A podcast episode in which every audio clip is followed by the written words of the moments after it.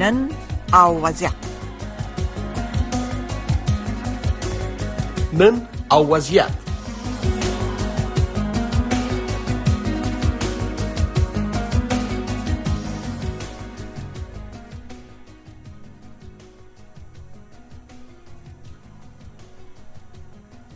سلام بینندگان گرامی. و روایت امروز و برنامه دیگری از رادیو آشنا صدای امریکا خوش آمدید. من محمد احمدی میزبان این برنامه هستم. در بحث امروز راجع به تنشای لفظی که بین حکومت طالبان و مقامات پاکستانی اخیرا صورت گرفته است در مورد روابط بین افغانستان و پاکستان صحبت می کنیم به ویژه اظهارات سرپرست وزارت امور سرحدات و قبایل حکومت طالبان که روز شنبه هنگام سفرش به ولایت ننگرهار گفت که هیچ مرز رسمی میان افغانستان و پاکستان وجود ندارد. آقای نورالله نوری گفته که خط دیورند مرز رسمی نه بلکه خط فرضی میان دو کشور هست. البته یادآور میشیم که پیشتر از آن جنرال آسم منیر لویدرسیز اردوی پاکستان در سخنان اخیرش گفته بود که کشورش در کشوری که در مرز غربی افغانستان هست. یعنی افغانستان هرگز با پاکستان دوستی نشان نداده و از مدت ها پیش به شورشیان بلوچستان کمک می کند این موضوع را با آقای آصف مبلغ تحلیلگر مسائل سیاسی مقیم ترکیه بحث می کنیم که همکارم تا دقایق دیگر او را به استودیو وصل می کنم و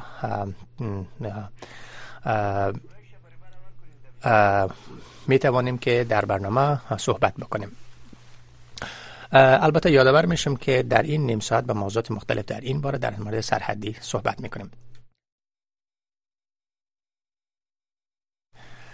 دلیل این تنش های لفظی مقام های نظامی و امنیتی پاکستان و افغانستان تحت حاکمیت طالبان در این شرایط روابط تیره بین دو کشور چی است چرا در تنش های بین دو کشور هر گاهی خط دیورند به حیث یک مبحث پرمناقشه بین دو کشور مطرح میشه؟ و چه دلیل مناقشه این خط در 20 سال گذشته در دوره جمهوریت پیش از طالبان حل نگردید؟ و آیا این خط همچنان طبق توافقی که در گذشته بوده برحال هست از نظر دو کشور. این پرسش ها را با آقای آصف مبلغ مطرح می سازیم که در برنامه امروز ما از طریق تلفن از ترکیه با ما هستند. تا اینکه به استودیو وصل شوند یادآور میشم که شما شنونده عزیز این برنامه را می‌تونین از طریق فیسبوک صدای امریکا و همچنین از طریق رادیوی صدای امریکا و همچنین از طریق وبسایت صدای امریکا ببینین آقای مبلغ سلام به شما. خوش آمدین به برنامه. با سلام و درود خدمت شما و شنونده های محترم شما. تشکر از که دعوت فرمودید. در ابتدای برنامه من مقدمه مختصری را با طرح چندین سوالی که مربوط به بحث است مطرح کردم. پرسش ابتدایی این هست که حالا این تنش های لفظی مقام های نظامی و امنیتی پاکستان و افغانستان تحت حاکمیت طالبان که مطرح شده در شرایط که روابط دو کشور هم تیره هست دلیلش چی هست؟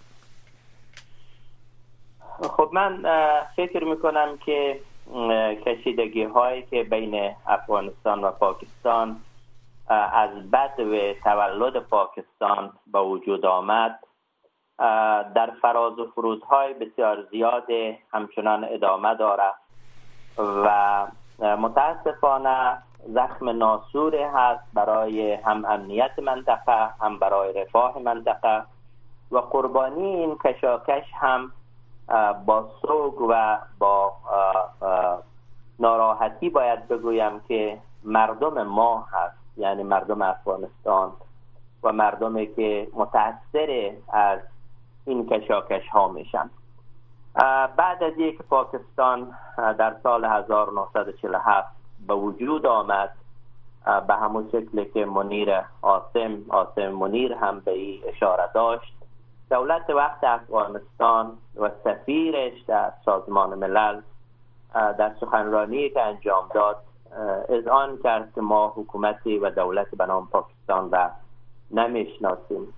و بعد از او هم با کسانی که به اصطلاح سیاستمداران خام و غیر متاسفانه پخته ای که در او زمان افغانستان داشت. بعد از او هم سر کار آمدن.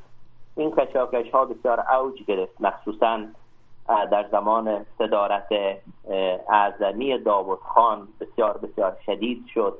بعد از یک داوود خان کنار گذاشته شد یک مقدار روابط با پاکستان تعدیل شد. اما با کودتای داوود خان و به دست گرفتن حکومت توسط داوود خان به اوج خودش رسید. شما جنگ های پانزده روزه بین افغانستان و پاکستان را شاهد بودید.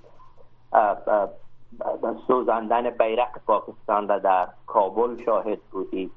بعد از او حکومت های چپی حتی در دوره نجیب وقتی که به وجود آمدن کمپ های مختلفی از مخالفین دولت پاکستان و جدای خواهان پاکستانی در جای جای افغانستان وجود داشته. کتاب حسب نام فریب ناتمام مربوط به جمعه خان صوفی اشاره می‌کنه به کمپ ها و مراکز آموزشی که برای جدای طلبان پاکستانی در افغانستان ترتیب داده شده بود. این سیاست های خام متاسفانه با نام نشنالیزم صورت می‌گیره.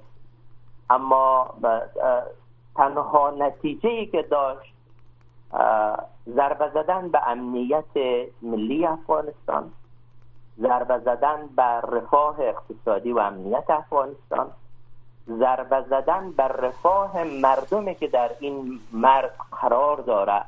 تنها نتیجه بوده که در طی 76 سال از این منازعه دستگیر ما شده. خب وقتی که مجموعه های نشنالیست یک چنین روی کرده در قبال پاکستان اتخاذ کردند پاکستانی ها سعی کردند که با استفاده از شورش ها و جهاد که علیه کمونیست ها و حکومت کمونیستی و نجیب در گرفت. یک روایت مذهبی فارغ از ادعاهای نشنالیستی را حمایت بکنه و گروه های مجاهدین مخصوصا اون زمان حزب اسلامی آقای حکمتیار را حمایت کردن بعد از او در دوره اول طالبان را مورد حمایت قرار دادن. هدف اینا هم این بود که به جای سرکار آمدن نشنلیست که ادعای ارزی داره نسبت به خاص پاکستان از یک طرف باعث شعلور شدن تنشهای مرزی در بین پاکستان و افغانستان میشه. از طرف دیگه اینا مهار شود. اما امروز ما شاهد یک مسئله هستیم. و اون مسئله این هست که بعد از توافقات دوحه بعد از ارتباطات پنهانی که بین دفتر آقای محب آقای غنی و حقانی ها اتفاق افتاد. بعد از اینه که بعضی از این نشنالیست ها در مجموعه طالبان جدید در حرم تصمیم گیری جای گرفتن دوباره همان منازعات و همان مناقشات تاریخی اوج گرفته. بحث به وجود آمدن تی تی پی در سال 2007 مسئله هست که شما می‌بینید که امنیت پاکستان را به شدت تحت تاثیر قرار داده. تی تی پی در پاکستان در حقیقت مرز بین طالبان افغانستان و خط فاصله بین طالبان افغانستان و تی تی پی پاکستان شما نمی‌تونید بکشید. اینها یکی هستند و ادعاهای زیادی هم وجود دارد که کمپای آموزشی اینا در داخل خاک افغانستان هست. از یک طرف. بلوچ های جدای خاک شما می‌فهمید تا حالا به اقتصاد پاکستان مخصوصا در بندر گوادر که در منطقه بلوچستان هست. حمله های زیادی کرده و همچنین به بیسای نظامی که تی تی پی حمله های زیادی کرده. امروز مسجل هست که اینها در حمایت در سایه حمایت طالبان افغانستان اتفاق میفته من فکر می‌کنم این حرکت ها باعث شده که جبهه پنجاب جبهه سیاسی پنجاب در پاکستان. به این نتیجه برسه که اوضاع از کنترل اینها در حال خارج شدن هست. نشنالیست ها در داخل طالبان نفوذ کرده و با دایه مذهبی این بار به جنگ پاکستانی ها آمده و اینها احساس می‌کنه که تمامیت ارزی پاکستان در خطر هست. به همون شکلی که آسم منیر هم به این اشاره می‌کنه.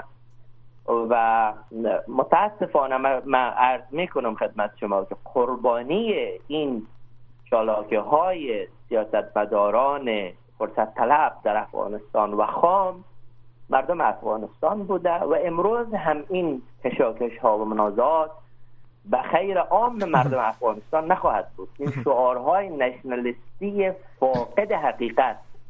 متاسفانه به خیر مردم افغانستان نخواهد بود. خب از نظر شما آقای مبلغ این تنشی که با این پیشینه وجود داشته بر سر البته ربطی می‌گیره یک بخشش به قول شما به موضوع خط دیورند و فراتر از او. پاکستان چطور با درک این پیشینه مناقشه و مسائل بحث برانگیز از طالبان طی بیشتر از دو دهه گذشته در برابر جمهوریت حمایت کرده به قول بعضی ها و یعنی نمی‌فهمید که طالبان به این شکل عمل می‌کنه یعنی حالا شگفت زده شده غافلگیر شده پاکستان با این عمل طالبا یا قبلا میفهمیده چرا جمهوریت را ترجیح نداده حداقل نسبت به حکومت طالبا و حمایت خودش به نظرتون؟ چند تا مسئله هست. ساختار سیاسی پاکستان رو وقتی شما نگاه می‌کنید یک ساختار یک دست نیست. طالبان اول در زمان طالبان اول بابر در رأس کار هست در مسائل افغانستان. دورانی در رأس آی اس آی هست و اینها از جبهه خیبر پختونخوا هست. عقبه سیاسی احزاب مثل حزب اسلامی طالبان اول و طالبان دوم. این جبهه هست. و اینها لابی بسیار قوی بودند که بتانند نظام پاکستان را در حمایت از طالبان یا حزب اسلامی یا احزاب مانند حزب یونس خالص و مجموعه های دیگر ترغیب بکنند. و توجیه اینا هم این بود که اینها اولا پایگاه مردمی در افغانستان دارد. دوما داعیه هایشان داعیه مذهبی هست و نه داعیه نشنالیستی. بنابراین این بدنه از حکومت پاکستان همیشه حامی یک مجموعه خاص و یک اتنیک خاص در افغانستان بوده. اتنیک احزاب سیاسی خاص در افغانستان بوده. این را باید مردم بفهمه که عقبه سیاسی طالبان حزب اسلامی حکمتیار کی هست در پاکستان؟ ما متاسفانه سیاست مدارای ما اغلب که به خطا میره و پاکستان را یک رنگ می‌بینه و به عنوان دشمن شعار میده به خاطر حزم نکردن و فهم باست موزاییک سیاسی پاکستان هست. در دوران جهاد بله، یکی از بزرگان قصه می‌کردن که ما با پاکستان ها گفتیم که ما که با شما تضاد منافع نداریم. چرا شما سر ناسازگاری با ما و مخصوصا با اقوام در افغانستان دارید؟ جواب را که اونا گفته بودن این بود که در اینجا ما تحت فشار لابی های بسیار قوی هستیم. من فکر می‌کنم با این روایت شما متوجه میشید که از چی هست در بحث حمایت از طالبان یا حزب اسلامی یا کسان. اما همین آدم گفته بود تا زمان ما این لابیگری رو تحمل می‌کنیم که به منفعت و تمامیت ارزی پاکستان صدمه وارد نشود. من فکر می‌کنم امروز اون روز رسیده که جبهه کلان سیاسی که پنجاب باشه صبرش با آخر رسیده و احساس می‌کنه که مجموعه بلوچستان خیبر پختونخوا و این مناطق به دنبال ایجاد یک به اصطلاح خطه جدا هستند و ای را من فکر می‌کنم که نه پاکستان تحمل می‌کنه و نه هم جبهه کلان سیاسی که پنجاب باشه پنجاب ها باشه تحمل می‌کنه و شوخی هم نداره. آسیب را که از این قبل مردم ما در افغانستان و بخش از هم فرهنگ همزبانان و هم فرهنگ های ما یعنی پشتون های ما در پاکستان می‌بینه. جبران ناپذیر خواهد و چه فکر می‌کنید که چرا در این 20 سال گذشته این موضوعات هم هر از گاهی گرچه مطرح شده است اما به عنوان یک مناقشه در خط دیورند کمتر بوده نسبت به حالی که دو طرف بسیار شدید یعنی لوید های دو طرف مقامات نظامی و امنیتی به او بهش اشاره می‌کنند. یک چیز بسیار بارز هست. زمانی که آقای کرزی در دوران جمهوریت وجود داشت با اینه که همیشه خواستار تعقیب گروه های پیکارجو در داخل پاکستان بود و نه در داخل افغانستان. اما به این شکل اوریانی که آقای غنی رفتار می‌کرد این رفتار را نداشت. اما متاسفانه آقای غنی تماما روایت خودش را بر نشنالیزم پوپولیستی بنا گذاشته بود.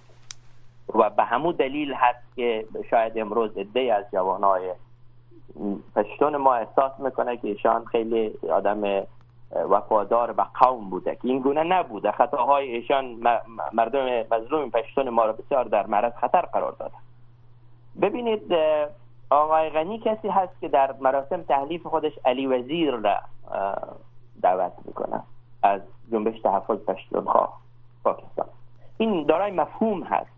این دارای یک به اصطلاح پیام هست به پاکستانی ها به همون شکلی که ارتباطات را که با احزاب دیگر در پاکستان برقرار کرده بود دولت جمهوریت تحت زعامت آقای غنی باعث تشویش پاکستانی ها بود. و از آن طرف طالبان در آن زمان همیشه ادعایشان این بود که ما به دنبال این روایت نشنالیستی نیستیم. اما امروز مشخص میشه که مخصوصا حلقه های از مجموعه حقانی که ارتباطات نزدیک با بعضی از نشنالیست های چپ نشنالیست های دموکرات داره سرنخ این قضیه به دست آنها هم هست. شما شاید مسئول سیاست گذاری سیاست خارجی وزارت خارجه آقای بایدن سلمان احمد را می‌شناسید. پاکستان تبار اهل خیبر پختونخوا و یکی از همون لابه ها و یا دیپ استیت هست که در به وجود آمدن این اوضاع در افغانستان و پاکستان رول بازی کرده. بنابراین من فکر می‌کنم که این این قضیه بسیار دامنه دار هست و بسیار هم خطرناک هست. و فعلا به نظر شما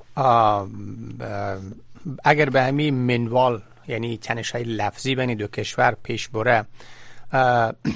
مبحث خط دیورند و اینکه به نحوی اصرار داره پاکستانی ها که این یک مرز هست و باید برخورد یا ترددش یک رفت آمد رسمی باشه. اما جانب افغانستان به هیچ وجه قبول نداره و عنوان یک خط فرضی مطرح می‌کنه به نظر شما چقدر یک احتمال بالقوه یک تنش یا تنش نمی‌تونیم بگیم به عنوان یک مبحث جنجال برانگیز برای دو کشور می‌تونه باشه؟ ببینید پاکستان شرقی و یا بنگلادش را در جدایش کیا نقش داشتن؟ مسئولین تراز اول نشنل عوامی پارتی.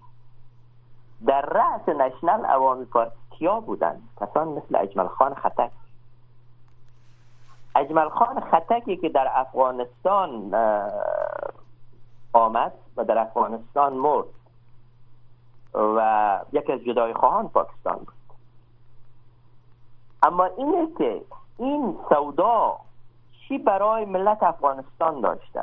چی برای مردم عام پشتون ما داشته؟ یک سوال کلان هست. من خواهشم. از تمام اندیشمندا مخصوصا اندیشمندای قوم عزیز پشتون ما ای هست که بیایید امیر در ترازوی عقل بگذارید آیا تا حالا غیر از که از این شعار استفاده پوپولیستی شده به خیر مردم عامه ما بوده؟ نبوده. مسئله که شما می‌فهمید حتی بحث خروج انگلیسی ها در زمان امان الله خان به رسمیت شناخته شدن حاکمیت افغانستان واگذار شدن امور سیاسی سیاست خارجی افغانستان در زمان امان الله خان به خود افغانستان در سایه سه گذاشتن به مرز یورند بوده یا نبوده؟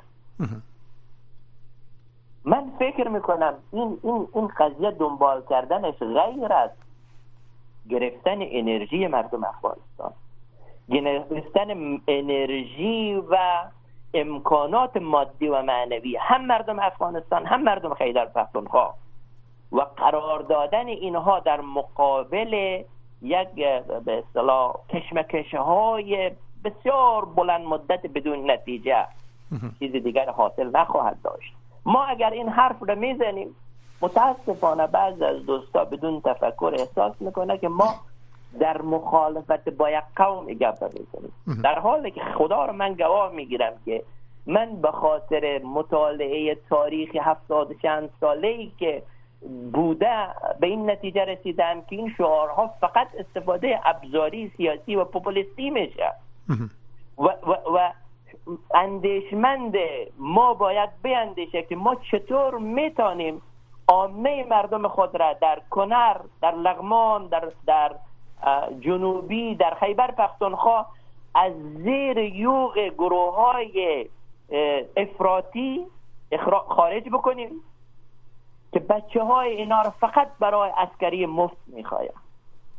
فقط برای پیش بردن آمال سیاسی خودشان نالازم دارن عامه مردم ما باید بیدار شود که در پشت این شعارهای پوپولیستی اهداف سیاسی کثیف نهفته است و این درد و این آتش متاسفانه هم مردم ما را در خیبر پختونخوا سوزانده هم در جنوبی سوزانده همه بامیانی رو متاثر ساخت. بله. البته آقای مبلغ این نکته اشاره می‌کنم که سرپرست یا لوی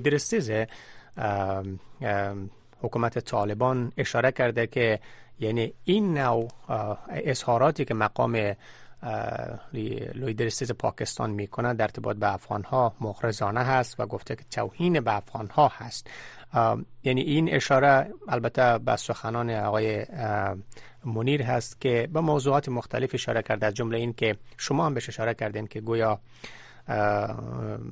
در مرز غربی افغانستان یعنی منظور که در مرز غربی کشورش مثل افغانستان با پاکستان افغانستان هیچ دوستی نشان نداده با پاکستان و از مدت ها پیش بر شورشیان بلوچ کمک کرده است.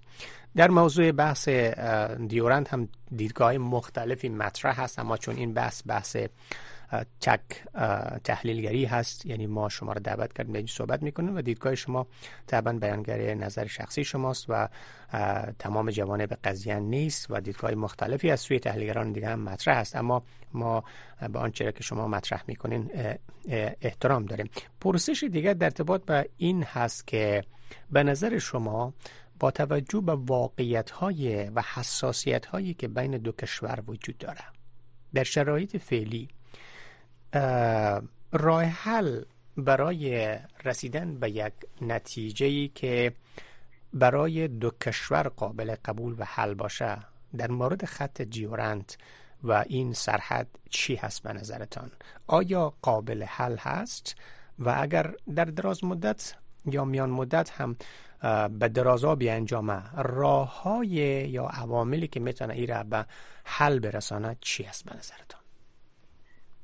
تمام حکومت ها حکومت های افغانستان متاسفانه خود تصمیم گرفته کسانی که در رأس این حکومت ها بوده خود بریده و خود دوخته. اگر واقعا شما این را ما به زمان جمهوریت که آقای غنی هم بسیار شعارهای پوپولیستی می‌داد هم مطرح کرد. بیایید از مردمان دو طرف دیورند بپرسید که شما آسایش و خوشبختی خود و نسلهای بعدی خود را در چی می‌بینید؟ آیا این حدود و این مرز مشخص شود و شما با عنوان پشتون پاکستانی شناخته شوید؟ و یا اینکه همین درد سرطان مزمن ادامه پیدا بکنه. یکی از راه های رفراندوم ولی هیچ وقت متاسفانه حکومت های مرکزی افغانستان تن به این قضیه نداده. چرا که می‌فهمه نتیجه رفراندوم چی هست. مردم عامه مردم توده مردم از این کشاکش ها و بازی های سیاسی خسته هست. و اینها به دنبال رفاه هستند. به دنبال این هستند که به امنیت برسند به دنبال این هستند که اوضاع در مناطق قبایلی تحت کنترل در بیاید تحت زعامت حکومت مرکزی در بیاید. اما اینه که پوپولیستا و چالاکان سیاسی از این بهره برداری سیاسی می‌کنن گف دیگری هست. یکی از راه ها رفراندوم هست یکی از راه های دیگه ای که می‌تونه مفید باشه مراجعه به حقوق بین الملل هست. از این معاهده بیشتر از 100 سال گذشته. و تاریخ آرشیوی تأییدی حکومت های پیشین افغانستان هم روی میز گذاشته شود. که در طی این مدت یعنی صد و چند سال صد و چند سال حکومت های پیشین در قبال این قضیه چی موضع اتخاذ کرده چی زمانت نامه های را امضا کرده حقوق بین دول هم می‌تونه یک راه حل باشه. اگر واقعا مسئله به حل هست. در این طرف در طرف پاکستانی ها من فکر می‌کنم که پاکستانی ها اگر فکر می‌کردن که با حمایت افرادیت مذهبی می‌تونه عنصر نشنالیزم را در منطقه سرپوش بگذاره و مهار بکنه امروز باید بفهمه که خطا کرده امروز همون نشنالیزم با قالب مذهبی به شکل بدترش ظهور کرده و امروز تی تی پی عملا با شعارهای مذهبی انتحاری می‌کنه به ایسای نظامی پاکستان امروز من فکر می‌کنم که سیاست گذاران پاکستانی باید بفهمه که این ریشه این مسئله سر دراز داره و ریشه این مسئله عمیق هست. و تنها به یک حالت می‌تونه این مسئله حل بکنه و ایجاد توازن در افغانستان. ممنون از شما آقای آصف مبلغ تحلیلگر مسائل سیاسی مقیم ترکیه که در بحث روایت امروز از رادیو آشنا امریکا تحلیل و دیدگاه خود را مطرح کرد. در ختم برنامه ضمن تشکر از تک تک شما شنونده های گرامی یادآور میشم که آنچه که مهمان برنامه ما به عنوان متخصص و تحلیلگر مطرح کرد. نظر شخصی خودشان هست و با احترام به ایشان ما این اظهارات را با شما شریک ساختیم. البته یادآور میشم که آنچه که مطرح شد نظر و تبصره حکومت امریکا و صدای امریکا نیست.